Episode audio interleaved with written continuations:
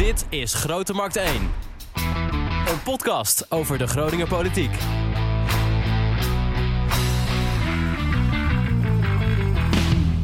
Welkom bij Grote Markt 1. Groningen kiest, de podcastserie waarin wij eh, gaan vooruitblikken op de Tweede Kamerverkiezingen van eh, 22 november aanstaande. Mijn naam is uh, Maarten Siepel, verslaggever bij OogTV. En eh, hier vanuit het Forum live tijdens Let's Grow zit ik natuurlijk aan tafel met eh, de Nestor van de Groningse politiek, Echo van Oosterhout. Dankjewel Maarten, goedemorgen. Goedemorgen. Ja, in deze podcastserie gaan we onderwerpen bespreken eh, die voor Groningers belangrijk zijn. Met, eh, in deze aflevering gaan we het hebben over klimaat. Hoe gaan we ervoor zorgen dat Nederland duurzamer wordt? Wie gaat ervoor betalen? En waar gaan we onze energie in de toekomst eh, vandaan halen? Dat gaan we doen met GroenLinks, Partij van de Arbeid en de Boer-Burgerbeweging, BBB.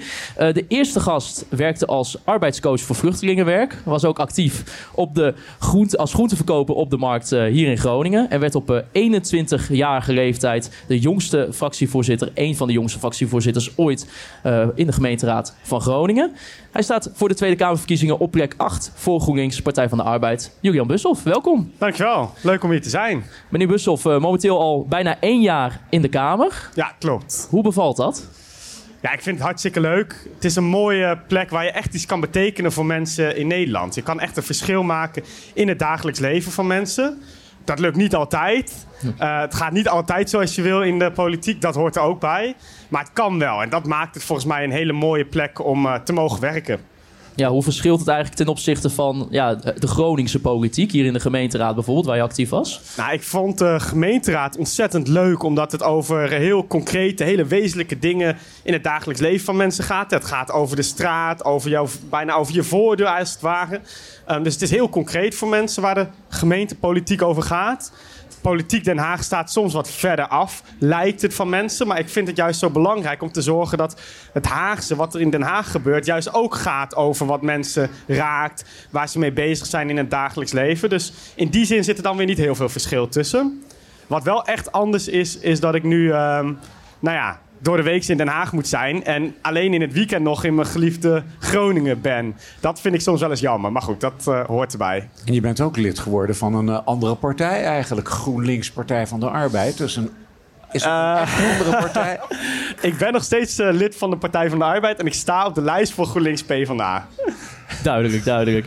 De tweede gast uh, is geboren en getogen in uh, Ter Apel. Uh, zat sinds 2014 namens het CDA in de gemeenteraad van Westerwolde. Was daar ook een tijd fractievoorzitter. En vorig jaar verliet ze het CDA om als onafhankelijk raadslid verder te gaan. En staat voor deze Tweede Kamerverkiezingen op plek 17 van de Boer-Burgerbeweging. Welkom, Herma Hemme. Ja, ja, hartelijk dank voor de uitnodiging. En ook ik ben natuurlijk heel blij dat ik hier uh, aan mee mag werken aan deze uitzending. Ja, natuurlijk. Ja. Uh, vorig jaar dus het CDA verlaten uh, ja, in klopt. uw gemeente. wat was voor u de reden om te zeggen van... ik ga als onafhankelijk raadslid verder? Ja, dat had natuurlijk alles te maken met de asielproblematiek... die toen de tijd en eigenlijk nu nog steeds speelt in mijn dorp Ter Apel.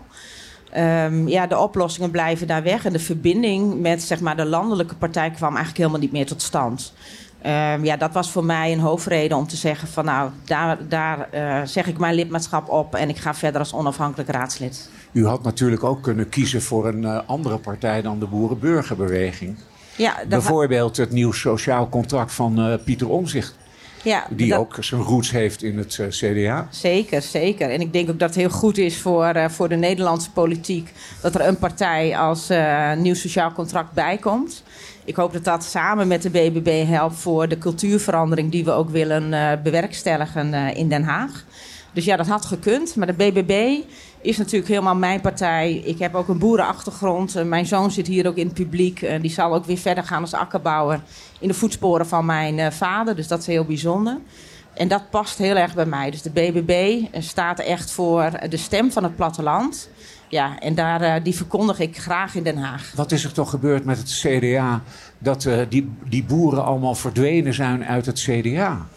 Nou ja, dat, ik kan natuurlijk niet voor alle boeren spreken, maar ik spreek, als ik voor mezelf spreek, dan is uh, het contact uh, met het platteland gewoon verdwenen.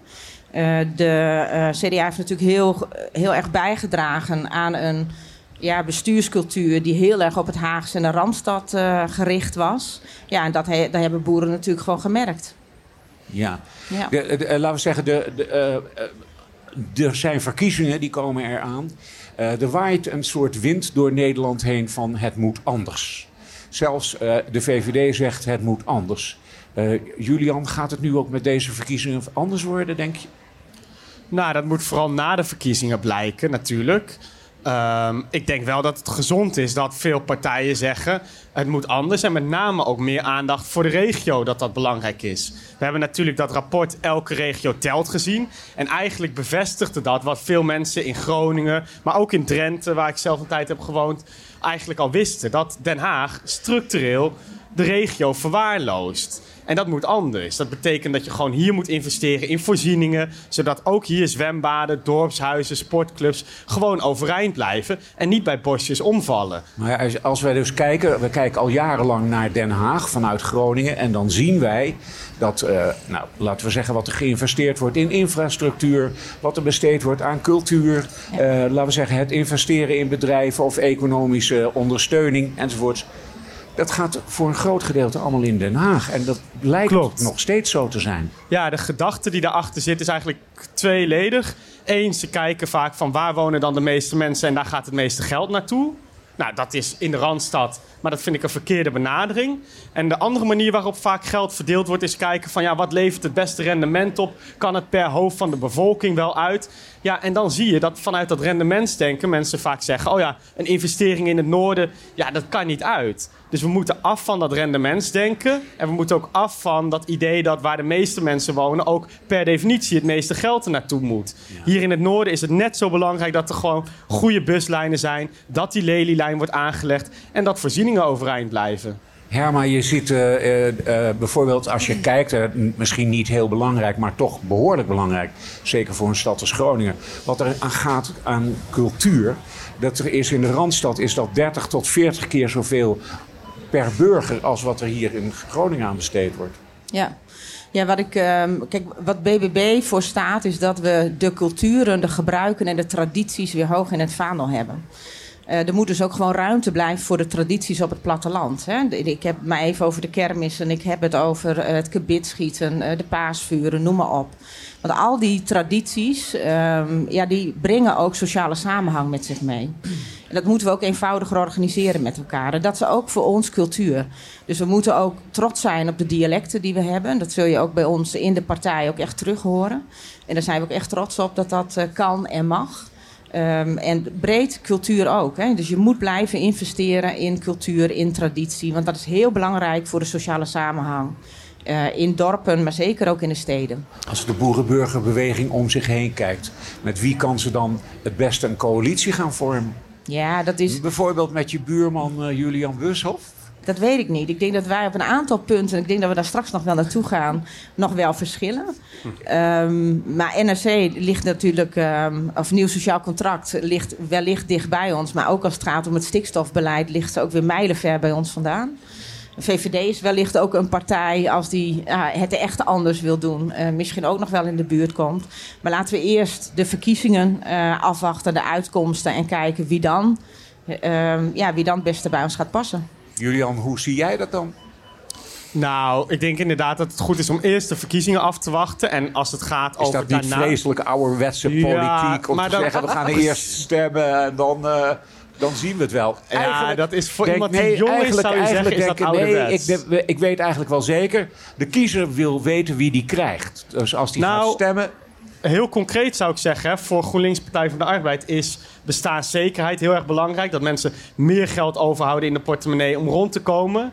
Investeren in de regio is belangrijk. Het aanpakken van de klimaatcrisis op een rechtvaardige manier. Dat zijn drie hele belangrijke onderwerpen voor GroenLinks en de Partij van de Arbeid. En partijen die daar hetzelfde over denken, of waarmee wij zaken kunnen doen om daar echt concrete resultaten op te bereiken, ja, die komen natuurlijk in aanmerking om mee samen te gaan werken. ja, jij loopt langer mee in de En- politiek. Ja. En dan kun jij mij nu wel vertellen, is de BBB voor jullie een gedroomde partner? Ik denk niet dat het een gedroomde partner is. Nee, maar als zij zaken willen doen op het gebied van bestaanszekerheid en investeren in de regio, nou dan gaan we natuurlijk zoeken naar een meerderheid ook met BBB. Maar ik denk dat er ook terecht een aantal punten zijn waarop we echt verschillen van mening. Als het gaat over het aanpakken van de klimaatcrisis, maar ook als het gaat over hoe we ervoor zorgen dat er meer betaalbare woningen in Nederland komen. Ja, daarop verschillen we denk ik wel van mening. Nou ja, en dan is het misschien niet zo voor de hand liggende partner. Maar goed, ik hoop dat we op heel veel onderdelen wel uh, gewoon nou, iets kunnen betekenen. In ieder geval voor de regio. En voor, uh, voordat mensen meer geld overhouden in de portemonnee. Ja, en op die twee punten is er, zijn er natuurlijk overeenkomsten. Maar ik denk dat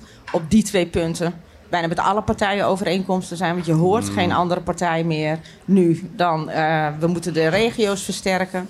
We moeten de voorzieningen weer op peil brengen. We ja. moeten zorgen dat mensen hun rekeningen kunnen betalen aan het eind van de maand. Uh, dus ja, daar, op die twee punten zie ik geen probleem. Als het gaat om klimaat, uh, denk ik wel. De vraag is natuurlijk wel hè, dat veel partijen vinden dit belangrijk. Maar wat ga je dan concreet doen? Ja, en de VVD, ja, die doet iets heel anders dan GroenLinks en de PvdA willen op het gebied van bestaanszekerheid. Dus dat vind ik niet de meest logische partner.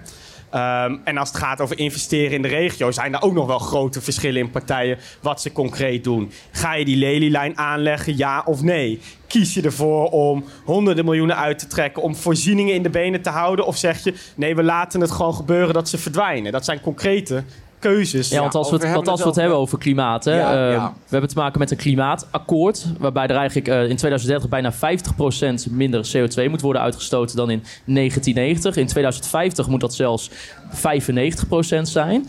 Hoe staat het er eigenlijk bij, Julian, met dat klimaatakkoord? Nou, eigenlijk nog niet heel goed. Want we zien echt, hè, mensen merken het ook in hun directe leefomgeving, dat klimaatverandering echt voor hele grote problemen zorgt. We zien steeds extremer weer, hevige regenval, enorme droogtes, bosbranden. Dus die noodzaak om klimaatverandering aan te pakken is echt heel groot. En tegelijkertijd zien we dat we nog te weinig stappen zetten om dat echt ook aan te pakken. Dus ja, we zullen nu na deze verkiezingen echt grotere stappen moeten gaan zetten dan de afgelopen tijd uh, we hebben gedaan. En we moeten er dan wel voor zorgen dat we dat op zo'n manier doen dat het ook rechtvaardig is. Dus dat ook mensen met een kleine beurs um, zoveel mogelijk profiteren van de investeringen die we doen. Laat ik het heel concreet maken. We willen minder CO2 uitstoten, we willen meer energie besparen, dan zullen we heel veel huizen moeten verduurzamen. Laten we er dan voor zorgen dat de huizen van mensen met weinig geld als eerste goed verduurzaamd worden. Dat is goed voor het klimaat en goed voor de portemonnee van mensen met weinig geld. Voor de, voor de boerenburgerbeweging, hè, die doelstelling, de, de halvering van die uh, uitstoot. Is ja. dat haalbaar volgens jullie? Nee, volgens mij, volgens ons is dat niet haalbaar. Maar je moet er wel alles aan doen om uh, de klimaatdoelstellingen uh, te halen.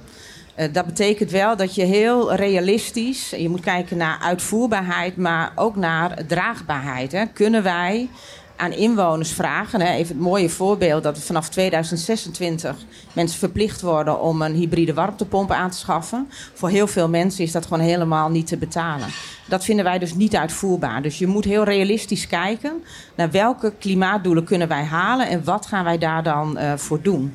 Ja, jullie zeggen wie rood staat kan niet groen doen, toch? Ja, precies. Wie rood staat kan niet groen doen. Maar uh, uh, andere mensen zeggen ja, het is, uh, het, is, het, het, is al over twaalf geweest. Ja, en als je kijkt naar uh, de CO2-doelen uh, die we wel... Hè, er is best wel al iets bereikt. En daar horen we niet zo vaak over. Maar er is veel al gehalveerd bijvoorbeeld aan die doelstelling... of aan het halen van die doelen. Um, maar goed, het gaat natuurlijk niet goed met het klimaat. Dus ook wij moeten daar een bijdrage aan leveren. Dat moeten boeren doen, dat moeten burgers doen, dat moeten bedrijven doen, dat moeten de vliegtuigmaatschappijen doen. Wat wij de laatste jaren hebben gezien, en dat is eigenlijk ook waar de boer-burgerbeweging door ontstaan is, is dat er door een bepaald frame naar boeren is gekeken en naar klimaat. En eigenlijk is um, uh, de, het overgrote deel van het beleid neergelegd bij de boeren. En daar moet de grootste oplossing vandaan komen. Ja, en dat is niet helemaal terecht. Hè. Als je kijkt naar uh, wat boeren eigenlijk bijgedragen hebben aan de resultaten die we tot nu toe hebben bereikt, dan is dat echt heel fors. Uh, en boeren maken maar 16% uit van al die uh, uitstoters zeg maar, die er zijn. Hè. Kijk ja. naar industrie, ja. kijk naar de vervoerssector. Dus het moet realistisch zijn en we moeten het eerlijker en samen gaan doen. Julian, wat vind jij daarvan? Is het, is het inderdaad dat de, dat de schuld ten onrechte bij de boeren gelegd wordt? Bijvoorbeeld de vliegtuigmaatschappijen zijn ongemoeid gelaten. Tata Steel is ongemoeid gelaten. Uh, verzin nog maar een paar voorbeelden. Nou, ik denk dat de constatering die we doen is dat we echt een groot probleem hebben. En dat iedereen moet bijdragen aan het oplossen van dit klimaatprobleem. En dat vraagt wat van boeren. Maar het klopt inderdaad. Het vraagt ook heel veel van de industrie. Die nu te vaak en te lang ook ongemoeid is gelaten. Ja, en ik snap best dat mensen dat onrechtvaardig vinden. Of het nu boeren zijn of mensen met een kleine beurs die zeggen: ja, maar hoe kan nou zo'n groot vervuilend bedrijf ongemoeid blijven terwijl wij allerlei aanpassingen moeten doen? Ik snap dat dat onrechtvaardig voelt. En vandaar ook dat wij zeggen: klimaatbeleid is nu nodig, maar het moet wel rechtvaardig zijn. En dat betekent dat je die grote vervuilers ook gaat aanpakken. De grootste vervuilers moeten het meeste gaan bijdragen aan het oplossen van dit probleem.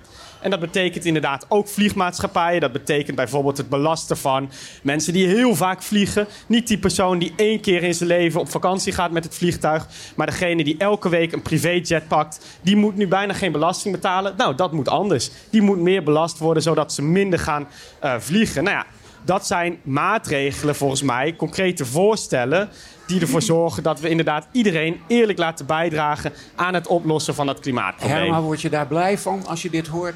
Ja, deels. Um, en waar ik niet blij van word, en daar wil ik ook wel duidelijk in zijn. Um, de bedrijven waar we het nu over hebben, hè, de grote uh, vervuilers uh, uh, in Nederland. Dat zijn ook bedrijven die heel veel werkgelegenheid creëren. Dat zijn ook bedrijven die producten maken die wij gewoon allemaal nodig zijn in Nederland. Uh, dus je moet ook voorkomen dat deze bedrijven Nederland gaan verlaten. Want klimaatbeleid, dat gaat over grenzen heen. He, dus het houdt niet op uh, bij Nederland. Als je deze bedrijven uh, naar buiten Nederland jaagt, zeg maar, of Nederland uitjaagt... Uh, dan zullen zij in andere landen onder soepele regels uh, hun bedrijfsvoering verder gaan voeren. Wat net zoveel uh, negatieve effecten heeft op het klimaat. Dus wij ja. houden ze veel liever binnen de grenzen van Nederland. We zijn voor een sterke maakindustrie. En wij willen dan ook samen met die bedrijven goed kijken naar hoe kunnen we innoveren, hoe kunnen we verduurzamen. Maar we gaan ze zeker niet Nederland uitjagen. Ah, ik denk dat hier misschien wel nog een klein verschil lijkt te zitten. Want natuurlijk zijn wij ook voor bedrijvigheid en productiewerkgelegenheid hier in Nederland houden. Laten we de industrie helpen om te vergroenen. Maar soms moet je ook hard zijn. Een bedrijf als Gemoers waar mensen in de omgeving echt ziek van worden, ja, die kun je niet ongemoeid laten. Daar moet je gewoon hard tegen zeggen. Je gaat nu iets veranderen of je moet sluiten. Want mensen in de omgeving worden er gewoon ziek van. Niet alleen het klimaat wordt er ziek van, maar ook de mensen in die directe omgeving. Ja, dat is echt onacceptabel. Dus daar mogen we ook wel een keer wat steviger tegen optreden, Als zou ik het over gezondheid gaat van, van inwoners, dan ben ik het helemaal uh, eens. Gemoers wordt dan als voorbeeld genomen. Het is natuurlijk schandalig dat daar zoveel mensen ziek worden uh, van de uitstoot. He, daar had je natuurlijk ook al veel eerder uh, op moeten ingrijpen. Daar hadden toezichthouders hadden daar veel beter op toe moeten zien. Daar ja. moet je dus met elkaar uh, goed naar kijken van hoe lossen we dat op? Hoe zorg je er nou voor dat die uitstoot schoner wordt en mensen niet ziek worden van dit soort bedrijven? Ja, maar, als denk, we, ja. die, die toezichthouders, hè, dat is natuurlijk, uh, er zijn mm -hmm. allerlei soorten toezicht in Nederland. Ja. Laten we het hebben over mensen die uitkeringen aanvragen, die, uh, die gecontroleerd worden tot in het oneindige. En deze bedrijven die uh, ook vergunningen hebben, die ook gecontroleerd moeten worden, die helemaal niet gecontroleerd worden. Ja. Het lijkt soms er wel een beetje op dat de overheid niet achter haar bewoners staat. Nou, als het over dit soort bedrijven gaat, dan zie je dat uh, we te vaak gewoon of te lang hebben weggekeken. Ze hebben een vergunning. We moeten dus ook als overheid, dat is ook politiek, dat is ook politiek leiderschap, dat je gewoon harde regels stelt waar ook deze bedrijven zich aan moeten houden en zich niet aan kunnen onttrekken. Ik bedoel, hè, we zitten hier in Groningen. Heel lang hebben de NAM, Exxon, Shell hebben zich natuurlijk ook onttrokken aan alle morele verplichtingen naar Groningen toe. Ook daar, tegen dat soort fossiele bedrijven, moet je keihard zijn. Wat jullie doen kan niet en je zal nu gaan bijdragen aan de toekomst van Groningen. En als ze daar niet toe bereid zijn, dan dwingen we ze daartoe. Je moet als overheid normerend optreden tegen dit soort bedrijven. Ik zou graag nog heel even terug willen naar de regeldruk, want Ehm, aan de ene kant zie je dus inderdaad dat bij grote bedrijven ehm, eh, de, ja, de toezicht gewoon niet op orde is geweest. Hè. De, de Gemmoers is daar natuurlijk een voorbeeld van. Maar als je kijkt naar de regeldruk voor inwoners, is die natuurlijk enorm toegenomen. Dat is ook een belangrijk speerpunt in ons uh, verkiezingsprogramma. Uh, we hebben een overheid gecreëerd die uitgaat van wantrouwen in plaats van vertrouwen. En, en, wij willen dat weer omdraaien. Hè. wij zijn een overheid die er is voor de inwoner. En uh, de inwoner is er niet voor de overheid. Dus het schrappen van heel veel regels, juist aan die kant, uh, moet gebeuren. Dat is een belangrijke taak voor ons. Maar aan de andere kant moet je dus wel zorgen dat uh, bedrijven uh, goed gecontroleerd worden. Dat we met elkaar goed weten wat zijn nou de negatieve, negatieve effecten op, op de directe omgeving. Zodat je ook veel sneller in moet grijpen als dat dus niet goed is. Als we het hebben over de boeren, uh, Julian, uh, welke, ja, welk perspectief is er eigenlijk voor de boeren volgens GroenLinks PvdA? Nou, er is natuurlijk heel veel perspectief nog voor boeren. Er zijn ook heel veel boeren die volgens mij uh, heel graag op een andere manier zeg maar, willen boeren. Op een manier waardoor het zeg maar, goed is voor het klimaat. En zij ook nog een eerlijke boterham kunnen verdienen. En daar moeten we volgens mij naartoe. Dus ik snap heel goed dat als er boeren zijn die zeggen: ja, maar als ik heel anders moet gaan boeren, kan ik dan nog wel een boterham verdienen? Dat mensen zich daar zorgen over maken. En het is aan ons als politiek om aan de ene kant te zeggen: ja, het moet anders. Dat is nodig voor het klimaat. Maar we moeten er wel voor zorgen dat je dan alsnog een goede boterham kan verdienen. Bijvoorbeeld dat we mensen helpen om uh, aan landschapsbeheer. Dat we boeren zeggen van goh, jullie gaan uh, meer een groter aandeel hebben in het landschapsbeheer, in natuur inclusief boeren. En daar krijg je ook fatsoenlijke vergoedingen voor, zodat je ook een eerlijke boterham kan verdienen. Dus volgens mij is dat de toekomst van de landbouw. Het moet anders, maar we zorgen ervoor dat ze op andere manieren ook inderdaad gewoon een fatsoenlijke boterham kunnen verdienen. Door bijvoorbeeld vergoedingen rondom landschapsbeheer, door natuur inclusief boeren. Ik denk dat dat de uh, manier is waarop we Kijk, uh, met boeren om moeten gaan. Natuur inclusief boeren, dat, dat is inderdaad de weg waar we naartoe moeten. Maar ik denk dat de definitie die uh, GroenLinks en Partij van de Arbeid daarin hanteert... een andere is dan die van de BBB. we zien natuurlijk dat er de laatste jaren onmogelijke regels zijn ge gecreëerd voor boeren waardoor zij enorm zijn geschaad in hun, uh, in hun bedrijfsvoering. Er wordt steeds weer opnieuw innovatie, creativiteit uh, gevraagd van boeren.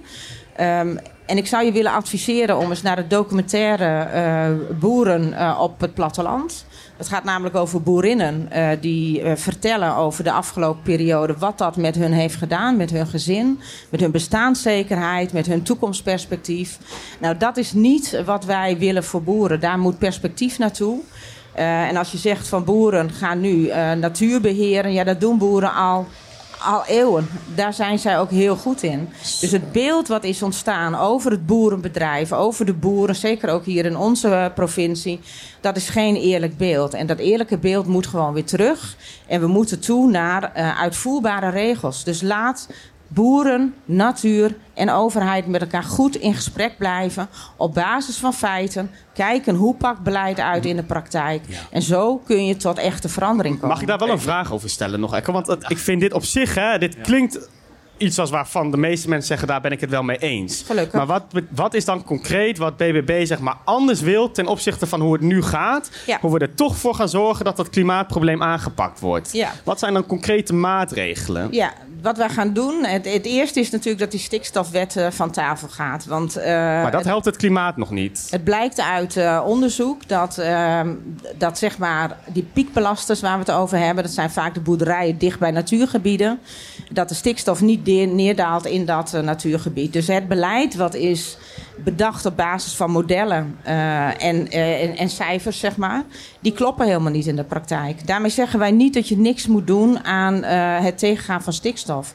Integendeel, ik denk dat de landbouw de sector is geweest waar de meeste innovatie is geweest op het gebied van verduurzaming. En daar gaan we dus ook mee door. Um, dat betekent ook dat niet alleen landbouw uh, in het stikstofbeleid betrokken moet worden, maar ook de industrie, ook de vliegtuigmaatschappijen. En dat is ook wat we dus anders gaan doen. We moeten met elkaar dat plan gaan maken. Maar niet alleen op die modellen die we met elkaar uh, hebben berekend, maar ook door gewoon in gesprek te zijn met mensen in de praktijk. Dat betekent dat met boeren, dat betekent dat met de fabrieken. Met, met iedereen ga je in gesprek om tot een goed beleid te komen. Een van die uh, dingen, zeg maar, om, het, uh, om de uitstoot te verminderen, zou bijvoorbeeld kernenergie zijn. Ja. En nou, jullie zeggen ja en jullie zeggen nee. nee. Hoe moet dat, Julian? Nou, het lijkt mij niet handig hè, om een kerncentrale bijvoorbeeld hier in Groningen neer te zetten of in de Eemshaven. Ik denk niet dat veel mensen daarop zitten te wachten. Maar veel belangrijker is het dat als je nu een kerncentrale zou gaan bouwen, die pas over zo'n 15 jaar, op zijn vroegst misschien over 20 jaar klaar is, dat kost heel veel geld. Um, en in die tijd moeten we eigenlijk al veel grotere stappen hebben gezet met andere energiebronnen. Ja, met Her wind, Her zonne-energie ja, nee, en dat waterstof. Maar Herma zegt het is niet waar. Nee, wat ik. Nou, Uh, ja, ik bedoel, daar kunnen we lang of kort over zijn. De staatjes geven. De afgelopen kerncentrales die allemaal in Europa zijn gebouwd of in aanbouw zijn, zijn allemaal vertraagd en doen allemaal minstens 17 jaar voor, erover voordat Ja. ze überhaupt werken. Als dat al En die vertraging, lukt dat na klopt. 17 Dat jaar. zal waarschijnlijk kloppen. Maar dat klopt natuurlijk ook voor de, voor de windmolenparkers die we gaan aanleggen. En we zien ook dat daar vertraging is. We zien ook dat daar 40 miljard bij moet. Dus, dus ja, je kunt, eh, dat kun je, die vertraging kun je eigenlijk op beide plaatjes leggen. Hè? Of Nee, het nou kernenergie dat- is of begrijp- windmolens. Ik begrijp dat wel, maar er wordt dus een beetje feitenvrij gepraat. Ja. Heb ik Nee. het idee. Want eh, laten we zeggen, kernenergie is natuurlijk ook veel duurder dan, eh, Ja. dan, dan windmolenenergie of weer andersoortige Nou ja, de- energie. Het, en de, de, de tijd waarin je dat kunt realiseren is dus maar zeer discutabel. Dus voor de korte termijn is het lijkt het geen oplossing te zijn. Nee, dat, dat is niet zo. Ehm, een, kern, een middelgrote kerncentrale kun je tussen de zes en de acht jaar kun je die bouwen. Ehm, ja, dat, je kan nee roepen, maar dat is wel eh, hoe, het, hoe het kan. Ehm, en wat wij natuurlijk willen, is dat je dat als mix toevoegt aan de andere energiebronnen. Nou, we willen geen windmolens bijbouwen op de Noordzee. Hè? Dus dat wat er nu gebouwd wordt, dat, dat, dat is echt meer dan genoeg. Eh, omdat wij ook helemaal niet weten wat dat doet met de biodiversiteit in de zee. Wij willen ook gewoon ruimte houden voor de visserij. Eh, dus je moet, de discussie die we hebben in Nederland is een discussie over ruimte. En dus hoe gaan wij met de beperkte ruimte om? En dan zegt de BBB, wij gaan dat niet doen met nog meer grote zonneparken, met nog meer windmolens op land en ook niet meer windmolens op zee. Maar Dus maar dan als moet het je gaat toe- over, ik, als, Ja. ik, ik als toeschouwer, zeg maar, ik kan niet. eh, eh, wat is nu waar? Dus hij zegt het kan niet en jij zegt het kan wel. het, Ja. ka- het kan wel. Eh, de- Alleen het is de afgelopen jaren dat we hebben gezien dat de kerncentrales werden gebouwd, kostte dat ongeveer zo'n 17 jaar. Of elk project rondom een kerncentrale heeft enorm veel vertraging opgelopen. Dus dan zouden we pas op z'n vroegst in 2040 ongeveer een kerncentrale hebben. Dat is overigens ook wat zeg maar, de studiegroep die door het kabinet, door notabene ook de VVD, die zelf voorstander is van kernenergie, eh, is aangesteld, concludeert. Dus kernenergie duurt te lang. Het is duurder en bovendien is het de enige energiebron die in de toekomst duurder wordt. Terwijl duurzame energie, wind- en zonne-energie, de komende jaren alleen maar goedkoper zou zijn. Dus het is ook nog vanuit financieel-economisch perspectief een slechte oplossing. En bovendien hebben we ook nog eens, eens een oplossing voor ehm, kernafval. Dus het is gewoon een echt. Het is voor de korte termijn geen oplossing, voor de lange termijn geen oplossing. En financieel is het ook nog eens niet aantrekkelijk om het te doen. Dus dit, het is gewoon een eh, dit, slecht lijkt idee. een, eh, dit lijkt een lastig punt. Ja, nou dat dat is een lastig punt. Dat was ook het punt, denk ik, waar wij als partijen het grootste verschil maken. Ik denk hoe we omgaan met, eh, met de boeren, maar zeker ook hoe we, of we wel of geen kernenergie willen. Ehm, kernenergie heeft wel degelijk toekomst. Ehm, wij, wij hebben daar ook eh, als partij echt in geïnvesteerd om te kijken van ja, hoe, hoe kan dat nou eh, een toevoeging zijn op onze energiebronnen? En als je dat in de goede mix doet, dan heb je daar twee of drie van nodig in Nederland. Eh, en dan is dat echt realiseerbaar. Ehm, wat je wat je misschien nog eh, als toevoeging moet eh, bespreken met elkaar is eigenlijk dat je een stabiele energiestroom wilt. Als je wind en zon hebt, heb je nooit een stabiliteit in je, in, in je energietoevoer. Dus dat is ook iets waar we rekening mee moeten houden. Wij willen dat energie beschikbaar is. dat die betaalbaar is en dat we het ook met elkaar goed kunnen uitvoeren. Dat klinkt toch ook een beetje plausibel? Nou, weet je, kijk, als het gaat over elektriciteit, dan is dat een deel van de energieopgave. Hè? En kerncentrales voorzien in elektriciteit. Het overgrote deel van de energievraag komt niet uh, neer op elektriciteit. Uh, dan kun je ook bijvoorbeeld inzetten op waterstof. Hier in de stad Groningen draaien alle bussen al op waterstof. Volgens mij is dat een veel duurzamere en veel betere ontwikkeling en inzet um, dan kerncentrales bouwen die er over 15 jaar, 17 jaar misschien op z'n vroeg zijn. En dan ook nog eens heel onrendabel zijn. En slecht zijn voor het klimaat. Omdat we nog niet weten wat we met dat kernafval moeten. Ja, nog even naar het kernafval. Dat is ook wel een mooie. Dat is iets wat, wat heel weinig mensen maar weten. Maar als je over je hele leven het energieverbruik, zeg maar, wat je als persoon gebruikt, bij elkaar optelt. Dan is dat in, uh, in kernenergie een grootte van een appel. Um, de kern, het, het, is steeds beter op te slaan. Uh, het is dus steeds minder. En ook naar verloop van duur gaat ook de schadelijkheid van die stoffen gaat naar beneden. Dus ook daar zit een hele ontwikkeling in.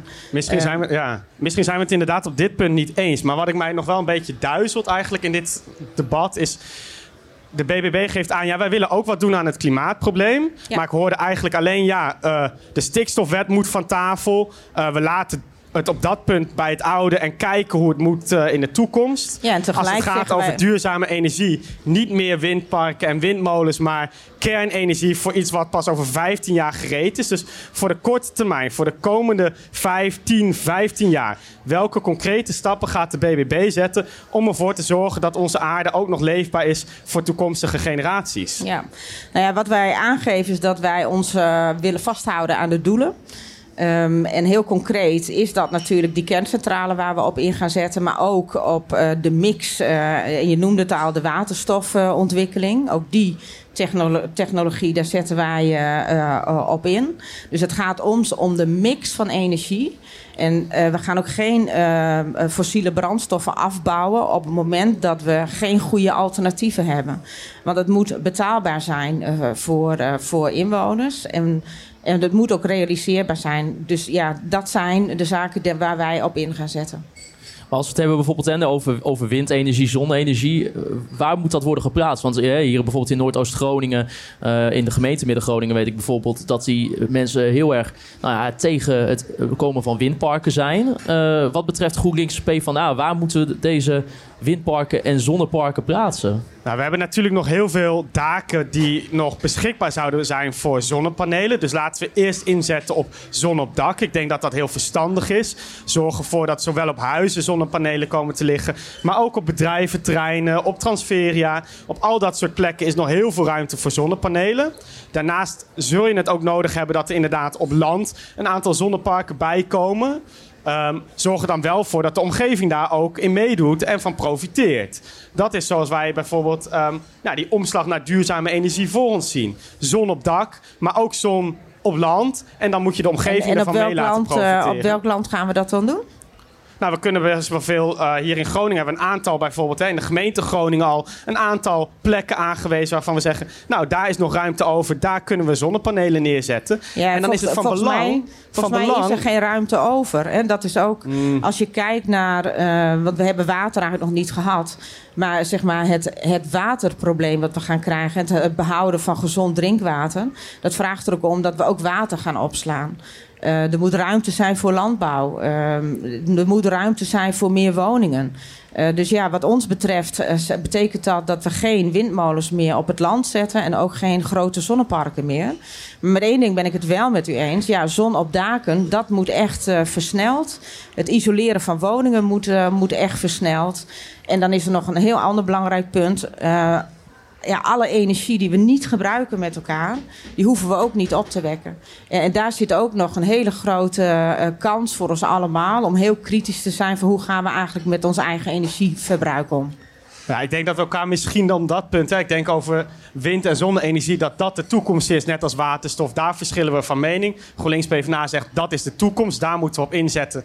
BBB niet. Maar op het punt van energie besparen denk ik dat we elkaar wellicht vinden. Want inderdaad, we moeten ervoor zorgen dat huizen zo snel mogelijk verduurzaamd worden. En een van de concrete voorstellen is dan ook om bijvoorbeeld te zeggen... nou, particuliere verhuurders die hun huis niet willen verduurzamen... ja, dan krijgen de huurders van die verhuurders gewoon een tochtkorting. Een korting op hun huurprijs. Want dat zorgt ervoor dat verhuurders gedwongen worden om die huizen te gaan verduurzamen. En anders heb je als huurder gewoon recht op een lagere huurprijs. Ik denk dat dat een heel goed middel zou zijn om ervoor te zorgen dat mensen meer geld overhouden in de portemonnee en meer huizen verduurzaamd worden. En ik hoop dat BBB dan ook voor zo'n tochtkorting zou zijn. Nou ja, ik denk dat. eh, ik, ik weet niet of we voor tochtkorting zijn. Maar ik, waar we voor zijn, is dat het zo eenvoudig mogelijk georganiseerd moet worden. dat mensen hun eh, huizen kunnen verduurzamen. Ehm, het is toch nu best nog wel heel ingewikkeld en met heel veel regels en subsidiepotjes en mogelijkheden georganiseerd. Daar komen mensen soms niet uit. Eh, wat een drempel is om je huis te verduurzamen, is ook de eh, voorfinanciering die je moet doen. Eh, heel veel mensen kunnen die voorfinanciering helemaal niet betalen. Nee, Nou, daar ben ik het mee eens. Dus dat en, wij, we, ja. en wij willen dat gewoon eenvoudiger, dus met minder regels gaan organiseren. Oké, nou, Ja. eh, er gaat gestemd worden binnenkort. Hè? Eh, de, de, de, de waait iets door Nederland, er moet een nieuwe wind gaan komen. Hebben we hier nou een basis gelegd voor een eh, voorzichtig verkennend gesprek? Hoe zit dat?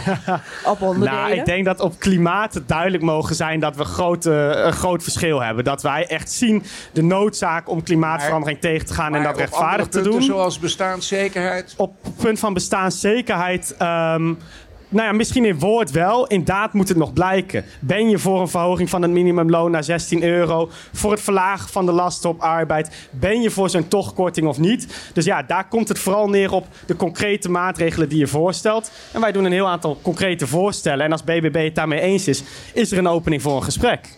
Nou ja, op onderdelen inderdaad. Het verhogen van het bestaansminimum eh, in elk geval wel.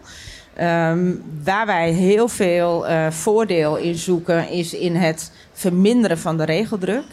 Eh, er gaat ongelooflijk veel geld eh, worden rondgepompt. Zeker ook als het gaat om, om geld wat beschikbaar moet zijn voor zorg. Dat wordt veel meer aan de zorg uitbesteed dan in de zorg. Nou, daar willen wij echt vanaf. Eh dus je moet het ook eenvoudiger gaan organiseren, zodat die middelen die we hebben, dat die ook op een goede manier worden, en worden ingezet. Daar ben ik het op zich. Ik doe zorg in de Tweede Kamer op dit moment. Dus Ja. daar ben ik het mee eens. Ehm, dus daar vinden we elkaar wellicht dan ook nog eh, op dat punt. Oké, ja, wie weet nog dan eh, na 22 november. Ja. Misschien is het wel mogelijk, coalitie, je weet het niet. In ieder geval bedankt eh, beiden voor uw komst. Ja, hier in het forum. En eh, nou, in de laatste aflevering, Echo, zullen we het gaan hebben met de VVD en Nieuw Sociaal Contract over het, eh, ja, toch wel een beetje het thema, het woord wat steeds bij iedereen rondspookt, eh, bestaanszekerheid. Bestaanszekerheid, het is misschien wel het thema. We gaan het zien.